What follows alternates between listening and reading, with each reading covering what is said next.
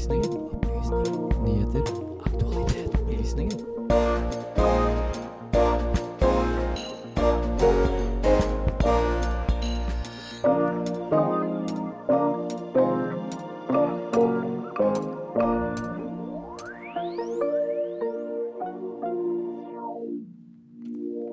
Hvorfor har Fosen-demonstranter slått seg ned midt i Oslo sentrum? Vi har besøkt de. Statsminister Støre presenterte denne uka et nytt regjeringsteam. Hva innebærer disse endringene? Nobels fredspris gikk i år til den iranske aktivisten Nargis Mohammadi. Vi fikk en snakk med eh, Nobelkomiteens leder om tildelingen.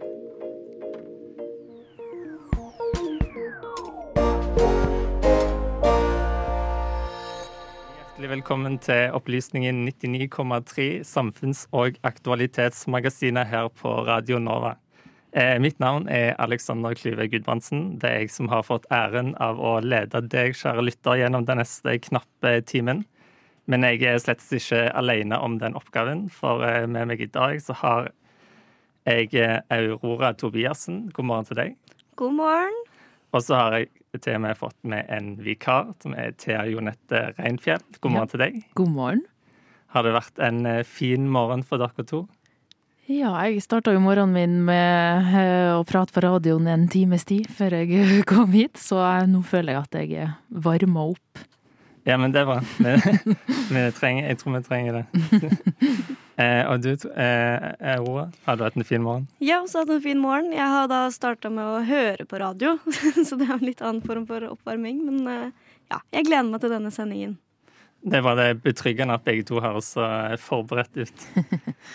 Jeg hadde en ganske eh, god morgen. Jeg våkna av sånn der vedlikeholdsarbeid, tror jeg det var. Det var noe sånn der, noen som skulle fikse eh, ventilasjonssystemet nei. i blokka mi, i etasjen over meg.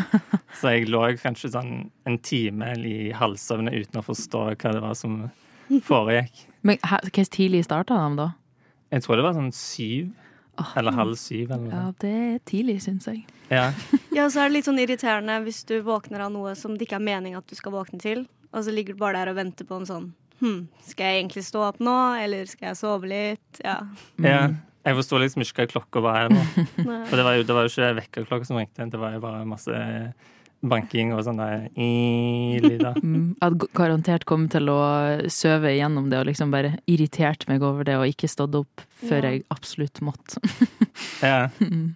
Eh, Jeg tror faktisk det var akkurat sånn det var Ja. i dag. Eh, Men eh, vi har en del vi skal gjennom eh, i sendingen, som jeg håper alle lyttere ser fram til. Og vi begynner først med en sang da, som heter 'Morning Fog' av Frozen Plums.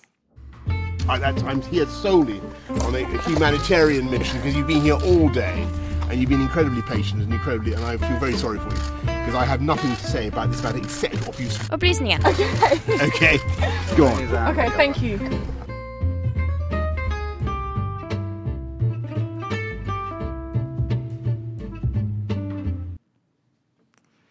Det er riktig, du hører på Opplysningen. Eh, og hvis jeg spør deg, Aurora, eh, hvis jeg nevner navnet Fosen, får du noen spesielle assosiasjoner i hodet da? Ja, jeg gjør jo det. Jeg tenker jo automatisk på de store Fosen-demonstrasjonene som var i Oslo eh, forrige uke. Og så tenker jeg på menneskerettigheter, menneskerettighetsbrudd, faktisk. Og så tenker jeg på eh, vindturbinene på selve Fosen-området. Mange tanker. Ja, ikke sant? Dette navnet Fosen har jo omtrent blitt eh, synonymt med, med denne veldig omstridte eh, vindturbinsaken. Eh, du nevnte òg eh, for meg, Rå, at du har vært til stede ved noen av disse demonstrasjonene, stemte det? Ja, det stemmer. Em, jeg har vært til stede både som aktivist der, men også vært med liksom, i planleggingen av selve organiseringen av demonstrasjonene. Da. Så det har vært veldig virkningsfullt. Spennende. Eh, og eh, vi har en eh, reporter som heter Ludvig, eh, som har eh, besøkt eh, noen demonstranter som har slått seg ned faktisk i, midt i Oslo sentrum. I Karl Johan-gryta, kan vi si. Denne saken er faktisk på engelsk til en forandring, for den er produsert for Nordjud, som er et eh, samarbeid for studentradio i Norden. Og den saken får du nå. For several years, the reindeer herding Sami at Fosen had tried to oppose the development of the Fosen plant. Despite the Sami's protest, the country's largest industrial wind power plant at Storheia in Fosen was completed in 2019. The Sami took legal actions against the developer Fosen Wind, where Statkraft is the largest owner. Exactly two years ago, on the 11th of October 2021, the unanimous verdict in the Norwegian Supreme Court's Grand Chamber came crashing down as a great shock both to Statkraft and the Ministry of Petroleum and Energy. The shock was great when the Sami won in the Supreme Court. The Sami believed that the establishment of the large wind power plants at Storheia and Roan would destroy important winter grazing areas for their reindeers. The Norwegian Supreme Court agreed, and it ruled in the Grand Chamber that the development of the Roan and Storheia facilities on Fosen is a violation of human rights and the Sami's right to cultural practice. The license for the country's industrial wind power plant is struck down and known to be invalid. There is now an ongoing demonstration and movement against the fact that the turbines at Fosen are still standing as if nothing had happened two years on.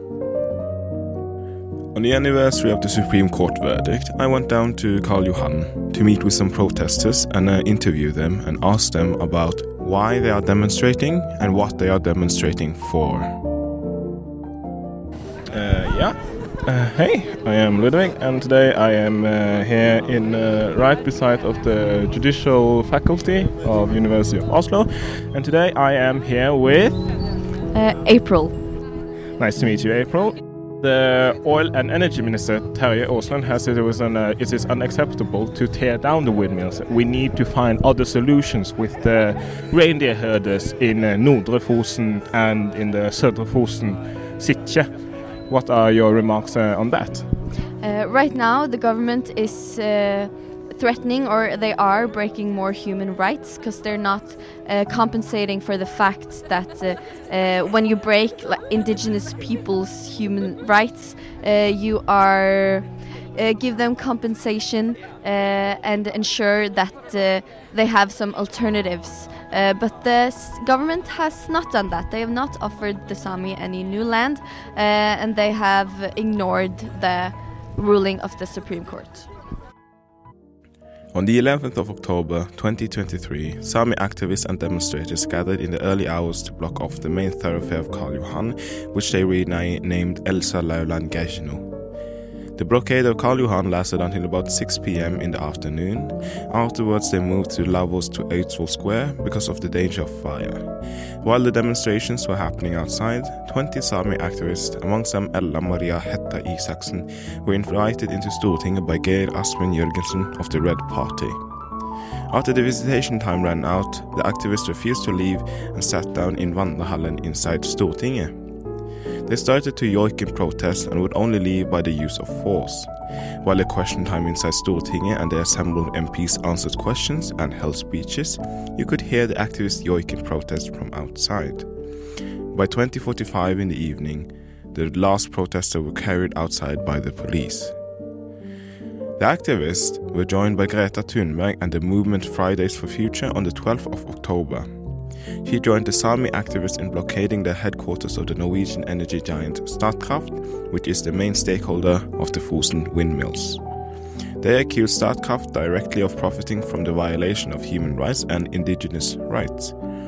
Since Statkraft is wholly owned by the Norwegian state, the activists blame the Norwegian state for profiting directly from the violations, and since the state is also the main regulator, they see the state as dragging its feet in the matter. How are your mood right now? How are your hopes for this wider demonstration? Right now, we are only looking for it to grow bigger. Uh, it's really in like the starting phase now. Uh, we have not seen many police today, uh, but we are expecting there will be some uh, arrest, arrest, arrests uh, tomorrow and, and more after that. Uh, we will see if they will keep us uh, staying here uh, in the street of Karl Johan or Elsa Laula Geidno as we have uh, renamed it. but yeah, we're expecting some more um, resistance tomorrow than we have today. What does Elsa Maria Gajno mean? Elsa Laula Renberg, she's a Sami activist uh, that called uh, to the Sami, the first like Sami meeting uh, of uh, uh, ga- gathering uh, the Sami people on, on the 6th of February, and that is why the Sami People's National Day is the 6th of February.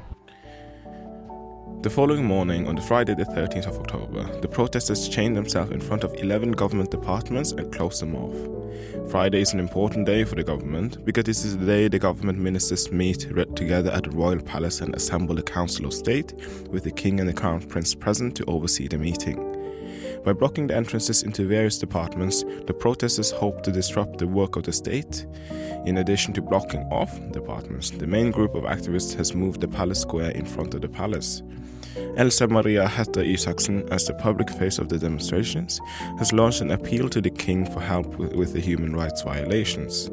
The king agreed to meet the activists, and the demonstrations have been put on hold and the civil disobedience has stopped. The king and the crown prince will meet activists on Monday, the 16th of October, 15 minutes past 12. The government said in the summer of 2022 that their aim is to work towards a solution where both wind power and reindeer husbandry can be kept in the area. State Secretary Elizabeth Sæther at the Ministry of Petroleum and Energy writes the following that the ministry has sent a draft study program about the reindeer herding and that the aim is to secure a solution where the operation of wind power plants can be maintained while the reindeer herders' rights are safeguarded. The National Association of Norwegian Sami Reindeer Herders says they have been crystal clear all along that they want the wind turbines to be demolished and are disagreeing with the government's goals.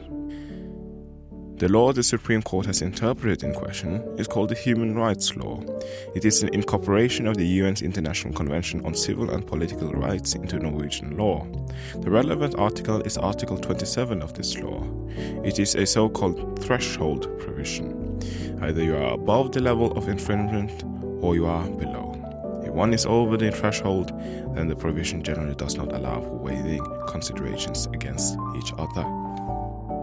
Will the king express his support for the activists? What is the future of green energy in Norway? And will the Sami people get their justice? Only the future holds the answer, and we in the present may only hope. Ja, reporter i saken var Ludvig Hohenstaufen.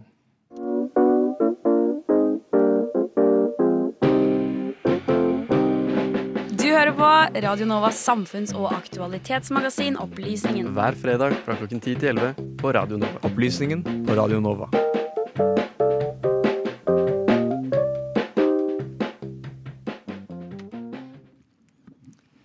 Ja, denne uka her så har eh, statsminister Støre gjennomført noen store endringer i regjeringen. Det er den eh, første virkelig store regjeringsrokaden, kan man si, i eh, perioden så langt. Det har jo vært noen skifter tidligere, men det har vært av litt eh, mindre karakter. Eh, men nå er det en del ministre som har forsonet ut, og en del nye som har kommet inn. Og mine to medprogramledere, har dere fått med dere noen av disse endringene som har skjedd? Nå er jeg skal avsløre at jeg, jeg følger litt lite med. For jeg føler at det byttes ut ministre hele tida. Men jeg fikk med meg at uh, Anniken Huitfeldt gikk av. Ja, det stemmer. ja. Og eh, Espen Barth Eide kom inn uh, istedenfor, OK, ja.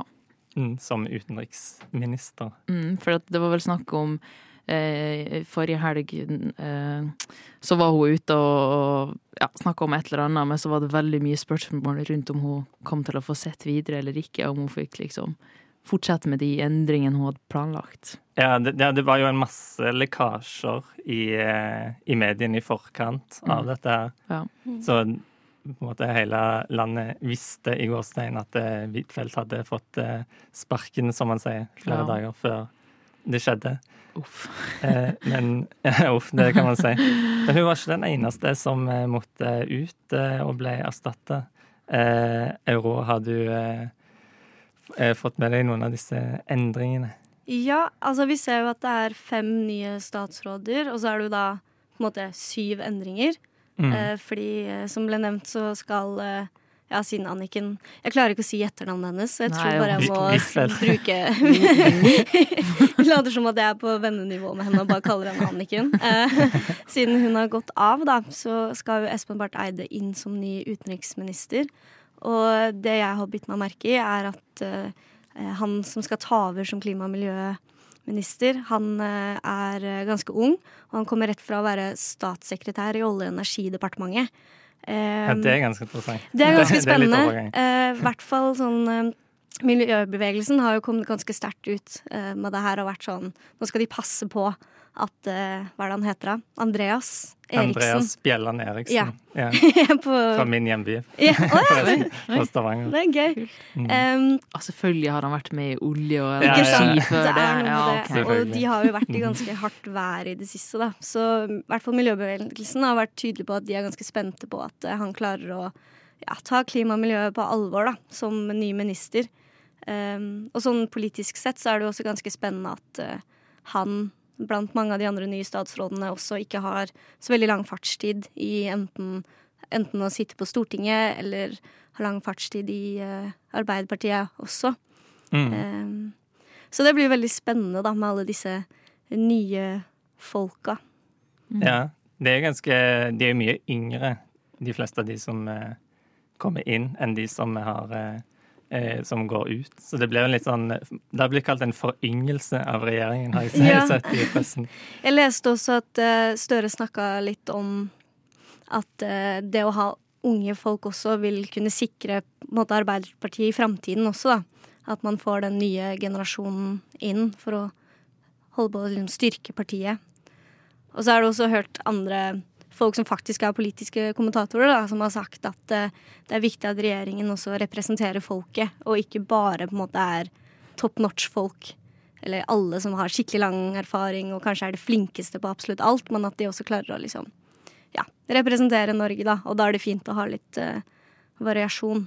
Det er jo bra at de som er yngre får prøve seg, tenker jeg. Men uh, kan jeg spørre om alle de nye, er de fra Arbeiderpartiet, eller har han tatt de fra noen andre? Det er én ny fra Senterpartiet. Okay. Sigbjørn Gjelsvik gikk eh, eh, ut som eh, kommunalminister.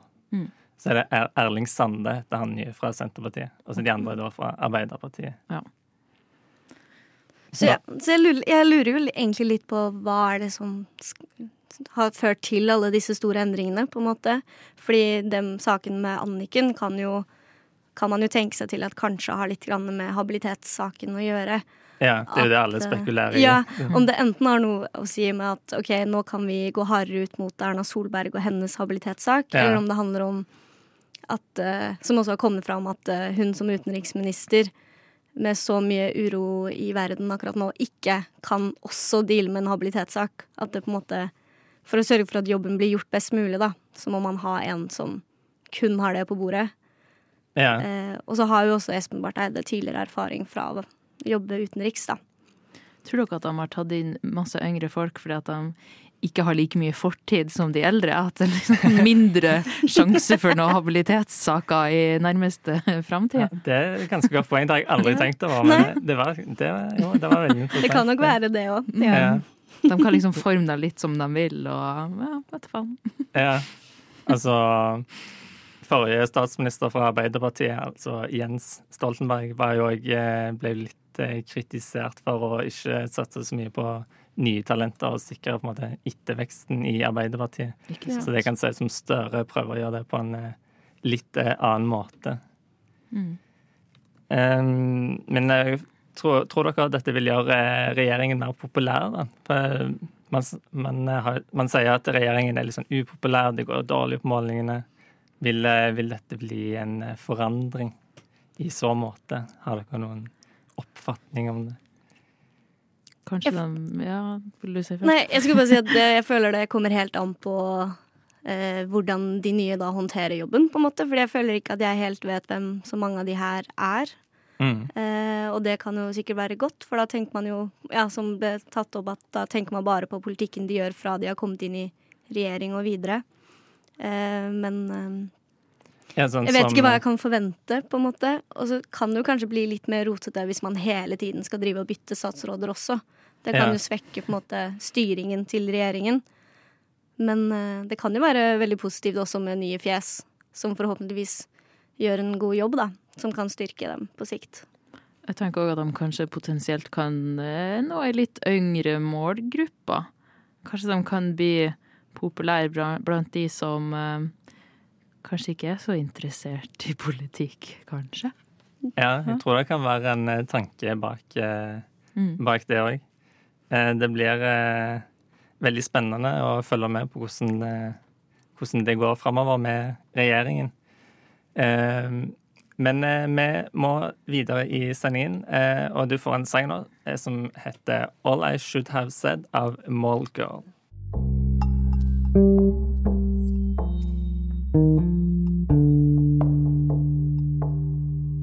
This is insane. I've never seen this in any other country. Never in my life.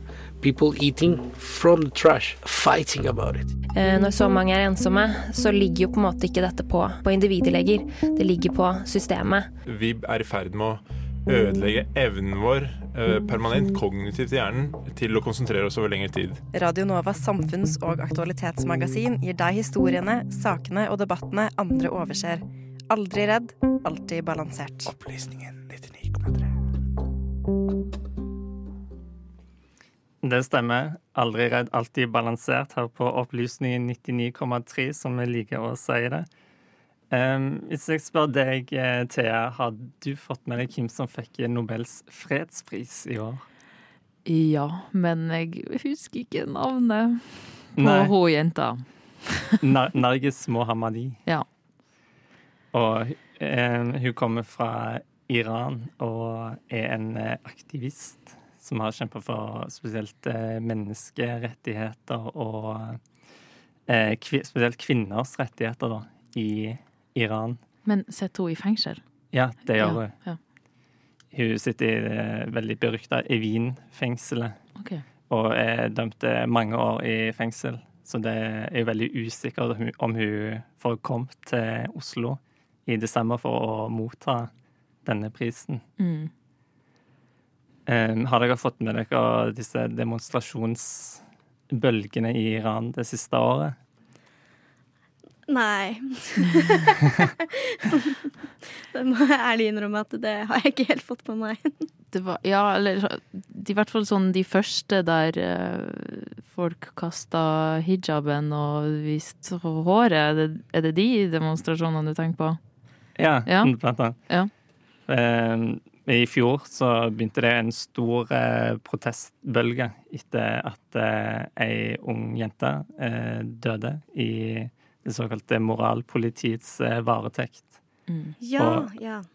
ja. Ja. Det litt mening nå nå. gir det mening. Ja. Nå gikk det opp et lys. ja. Det ble opplyst. Ja, jeg ble opplyst. Det er det som er poenget på dette programmet, opplysningen. Mm. Og eh, tydeligvis har jo Nobelkomiteen eh, eh, vært veldig opptatt av det, den veldig aktuelle saken fra Iran. Eh, og vi i Opplysningen 99,3 vi var til stede faktisk når prisen ble annonsert på Nobelinstituttet litt tidligere i oktober.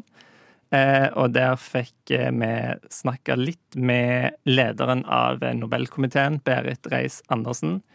Eh, og dere får nå høre hva hun hadde å si om årets tildeling. I år, 2023, gikk Nobels fredspris til den iranske menneskerettighetsforkjemperen Narges Mohammadi. Den fikk hun for hennes kamp mot undertrykking av kvinner i Iran, og hennes kamp for menneskerettigheter og frihet for alle. Denne kampen har ikke vært uten belastninger. Hun har til sammen blitt arrestert av myndighetene 13 ganger, blitt domfelt 5 og er totalt dømt til 31 år fengsel og 154 piskeslag. Hun sitter fortsatt i fengsel i Iran. Vi, Opplysningen, var på Nobelinstituttet under annonseringen, og vår reporter Alexander Klyve Gudbrandsen fikk muligheten til å stille noen spørsmål om hvorfor akkurat Mohammadi vant. Hei. Hei. Alexander Klyve Gudbrandsen fra Radio Nova, studentradioen i Oslo. Berit Reiss-Andersen, leder for den norske Nobelkomiteen, står ovenfor Alexander og svarer. Eh, Shirin Ebadi er jo en annen iransk rettighetsaktivist som har fått eh, fredsprisen. Eh, hvordan vil du si at eh, årets pris skiller seg fra Ebadi sin pris? Vel, jeg tror eh, det er jo mye av det samme. Eh, Narges Mohammedi har jo også arbeidet for det menneskerettighetsinstituttet som ble grunnlagt av Shirin Ebadi. Um, Shirin Ebadi ble tvunget i eksil, som veldig mange iranske aktivister har blitt. Narges Mohammedi har valgt å bli. Det har hatt en utrolig høy kostnad for henne. Um, men det er en utvikling. Uh, det er nye generasjoner som kommer til. Narges Mohammedi er en generasjon yngre uh, enn en Shirin Ebadi. Og jeg vil også si at det er et taktskifte i den folkebevegelsen som spontant oppsto som en protestbølge etter Aminis død, av helt unge kvinner. Tenåringer og unge kvinner som har vist et ufattelig mot og en stor oppfinnsomhet i hvordan man kan demonstrere, og kanskje gir en pekepinn om hvordan kvinner kan lage revolusjon. Jeg synes vi har sett en folkebevegelse hvor det er kvinnene som tar eierskap til hele protestbølgen, og på en ikke-voldelig måte. All volden som er utøvd i tilknytning til disse demonstrasjonene, det er fra myndighetenes side. Eh, du nevnte òg i talen din at eh, sånn som eh, sosial rettferdighet, menneskerettigheter demokrati, viktige forutsetninger for fred. Vil du utdype det litt i forhold til denne prisen? Det er et spørsmål som vi har tatt opp i mange fredspriser. At samfunn hvor mennesker er likeverdige, hvor rettigheter ikke er eh, allokert til noen få, enten det er folkegrupper eller kjønn, og hvor grunnleggende menneskerettigheter og grunnleggende demokratiske verdier blir akseptert, eh, det hindrer krig og konflikt, eh, og er i seg selv fredsskapende fordi det demper konfliktnivået i samfunnet. Hvis man ser eh, hvordan prestestyret i Iran opprettholder en lov og orden med en helt ekstraordinær bruk av dødsstraff, undertrykking av kvinner, eh, fengsling og forfølgelse av egen befolkning, men hvor befolkningen aldri har gitt seg. Eh, iranske protestbølger dukker opp noen år etter at de er kvalt. Og denne bevegelsen har kanskje roet seg litt, men den har virkelig ikke ebbet ut. Kvinnene finner stadig på nye og innovative måter å demonstrere en eller annen motstand. Det er mange framtredende aktivister eh, i denne rettighetskampen i Iran. Eh, dere valgte i år å ikke dele prisen, men å gi den til kun én mottaker. Hva er grunnen til det? Fordi vi fant at eh, hun har en helt unik posisjon. Hun har kjempet en kamp gjennom 30 år. Og hun har vist et ukuelig mot og en kampvilje, også mens hun har vært fengslet, og sluttet seg til denne kampanjen Kvinne, fred, fred, frihet. Tusen takk skal du ha.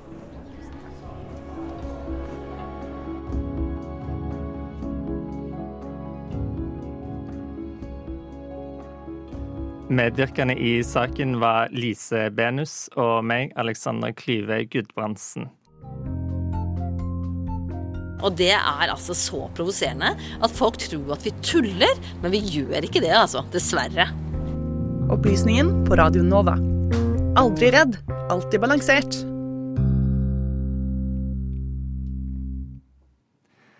Um, Aurora, har du en favorittfarge? Um, grønn. Grønn? Ja. Er det noen spesiell grunn til akkurat grønn? Eh, din, den fargen du liker best? Um, kanskje det har noe med høsten å gjøre. At jeg føler at sånn mørkegrønn Det bare passer så fint til høstfarger. Og så liker jeg høst. Og så kan jeg kanskje kan påstå at jeg tror jeg kler fargen grønn. Så da gir det mening å like den. Ja. Mange fine strikka gensere i grønn og ja. Ja. Kanskje mer en, en vibe, på en måte. Legitime grunner. Takk. Du da, Thea, har du Jeg tror faktisk, favorittfarge? ja, jeg tror min òg faktisk er grønn. For jeg har nylig kjøpt meg en ny grønn jakke. Og jeg, eh, i fjor eh, så strekka jeg et grønt skjerf som jeg òg syns jeg kler, så jeg tror det handler mye om det samme. Det er litt sånn selvtilliten når man går med fargen, kanskje. Ja. Men du da, Aleksander? Jeg, jeg er veldig usikker på det. Jeg, jeg kommer liksom ikke på Hvis jeg prøver å tenke på eh, hva som er min favorittfarge, så kommer jeg ikke på sånn én farge. Nei, det er alle. Mange. Ja, mange. det er veldig merkelig. Mm. Kanskje, kanskje noen sjatteringer av grønn eller blå eller ja, jeg, nei, Eller- bare, ja, eller, eller oransje eller gul eller et eller annet. Oransje er òg en veldig fin farge, Ja. syns jeg. Ja. Mm. Mm. Jeg, jeg føler òg liksom Noen farger er fine i noen nyanser, og Ja. ikke Mm. så i andre, kanskje. Ja. Du vil ikke ha en snørrgrønn eh, genser, kanskje? Eller spygrønn. Ja. Nei, det er noe med det. Mm. Grunnen til at vi plaprer i vei om farger, er fordi at eh, vi har eh, henta opp en sak fra arkivet om eh, hvorfor så mange liker fargen blå. For det viser seg at det blå tydeligvis er favorittfargen til veldig mange. Den som flest har som favorittfarge, ser det ut til. Og det får vi høre mer om nå. Hva er din favorittfarve? Og hvordan kom du fram til at akkurat det er din favorittfarve? Det kan kanskje være vanskelig å forklare. Kanskje det bare er at den får deg til å føle noe? Eller at den minner deg om noe du liker? Kanskje du tenker på favorittfargen din og tror den sier noe om deg? At det hele henger sammen med personlighet? Hvis du nå tenkte at blått, ja det er favorittfarva mi, så er du ikke aleine, for å si det sånn. Fordi alle elsker blå. Det er blitt gjort mange undersøkelser verden over, og alle tyder på at blått er uslåelig. Nesten halve kloden foretrekker blå. Mens de litt høyere, hvor nærmere halvparten foretrekker blå, mot en tredjedel av damer. Men er ikke det rart? Hvorfor skal alle like samme farve? Er ikke det kjedelig? Det er en sånn ting som jeg tenker at ikke gir mening. Men jo da. Det som alt annet her har visst en forklaring. Eller en antydning til forklaring. Tenk deg om nå. Hva er det egentlig som er blått? Og nå mener jeg naturlig blått. Ute i naturen. Vi har himmelen, havet. Det er jo blått. Og så er det sikkert noen sommerfugler og sånn som er blått. Men er det virkelig blått? Ekte blå? For nei, det er ikke det. Vi har blitt lurt. Blått, det fins så vidt, det, ute i naturen. Så blå sommerfugler er egentlig ikke blå. Det skal sies, da, at det faktisk fins sommerfugler som er ekte blå, men de er ekstremt sjeldne. De sommerfuglene vi kjenner til, er bare blå pga. den mikroskopiske fjærstrukturen de har utvikla, som er så bra designa at den bare reflekterer blått. Denne typen blå vil endre nyanse avhengig av perspektivet som du ser det fra, i motsetning til en ekte blå, som vil forholde seg i samme farve, simpelthen fordi det ligger i pigmentet. Det krever også veldig mye energi av dyr og planter for å produsere blått. Og som regel er det ikke effektivt, så det er veldig få som gidder å gjøre det. Med mindre de er avhengig av det for å overleve. Sånn som noen fugler. De er blå for å lokke til seg paringspartnere. Og noen frosker er blå for å advare andre om at de er giftige. Men så har vi jo himmelen. Den er jo i hvert fall blå. Men sånn som alt annet er den jo egentlig ikke det. Himmelen ser bare blå ut fordi luftmolekylene sprer sollyset gjennom atmosfæren, og farva blå blir spredt i alle retninger. Og det samme gjelder havet. Det er bare tull alt sammen. Men er det derfor vi liker blå? Fordi den er så sjelden og flott? Helt unik?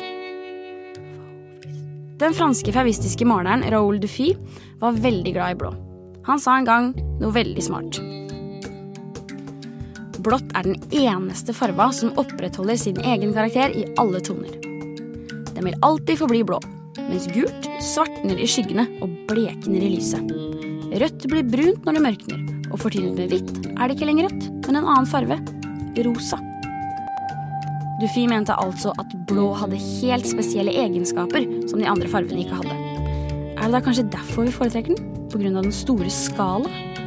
Alt fra lys himmelblå til mørk marineblå? Vi må nok tilkalle psykologene for svar. De sier nemlig at det hele handler om hvilke følelser vi forbinder med vår favorittfarve. Og den grunnleggende emosjonen knyttet til blått er ro og åpenhet. Den er ren og fri, minner oss om en skyfri blå himmel og det åpne hav. Vi får assosiasjoner som mulighet og trofasthet. Den gjør oss altså rolig, skaper ro i sjela. I motsetning til rød, som gir oss assosiasjoner som ild og fare. Mennesker har en slags knytning til blå, som om det er innebygd i oss å søke ro i stedet for fare. Men i bunn og grunn så er det ingen definisjon på hvorfor det er sånn. Dette er bare en haug av teorier. Kanskje vi liker blått fordi det er en mystikk i det vi ikke forstår, at det stimulerer oss med sin store sjeldenhet. Eller er det den brede skalaen den bærer med seg, en regnbue av blå nyanser som vi ikke får nok av? Eller den rolige følelsen den gir oss, tar oss imot med åpne armer og stoler på oss. En komfortabel venn. Uansett så er min favorittfarge grønn, og jeg klarer ikke å begripe hvorfor i alle dager jeg foretrekker grønn. Reporter her var Nora Amanda Næss Holm. Neimen, Bertil, da! Ja? Har du glemt å høre den siste episoden av Opplysningen på Radio Nova? Har nok det. Men da kan du jo bare høre det som podkast når du vil. Å, det skal jeg jammen meg gjøre! Vi nærmer oss eh, slutten her i Opplysningen 99,3, og det nærmer seg jo òg helg for de fleste av oss. Eh, Har dere noen eh, planer for helga som dere har lyst til å avsløre? Jeg skal på hyttetur med Radio Nova, hvis ikke det blåser opp til skikkelig storm og uvær i morgen, da. Det, var, det ser litt labert ut på eh, værmeldinga.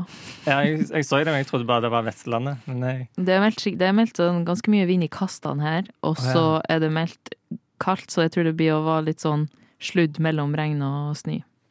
Det er ikke får så håpe på det trivelig. Ja. Du da, Aurora? Em, jeg skal faktisk uh, ha visning på leiligheten i helga. Fordi vi har to som flytter ut i kollektivet. Så jeg er litt sånn stressa for helga, egentlig. Men det må sikkert bestå av å ja, rydde og vaske litt og sånn. Men uh, Så, sånn uh, blir det noen ganger òg. det gjør det. Kanskje greit hvis det skal bli så dårlig vær, da. Å være inne, egentlig. For å utnytte det. Jeg får faktisk besøk fra Stavanger jeg, i, i helga, så det ser jeg fram til. Koselig. Ja, det blir nok bra. Um, da må vi runde av, rett og slett. Eh, I studio i dag har vært eh, meg, Alexander Klyve Gudbrandsen, og eh, Aurora Tobiassen. Thea Jonette Reinfjell og Inger Margrethe Glørsen var tekniker. Andre medvirkende har vært Lise Benus, Ludvig Hohenstaufen, Nora Amanda Næss Holm og Alexander Klyve Gudbrandsen òg i ett innslag.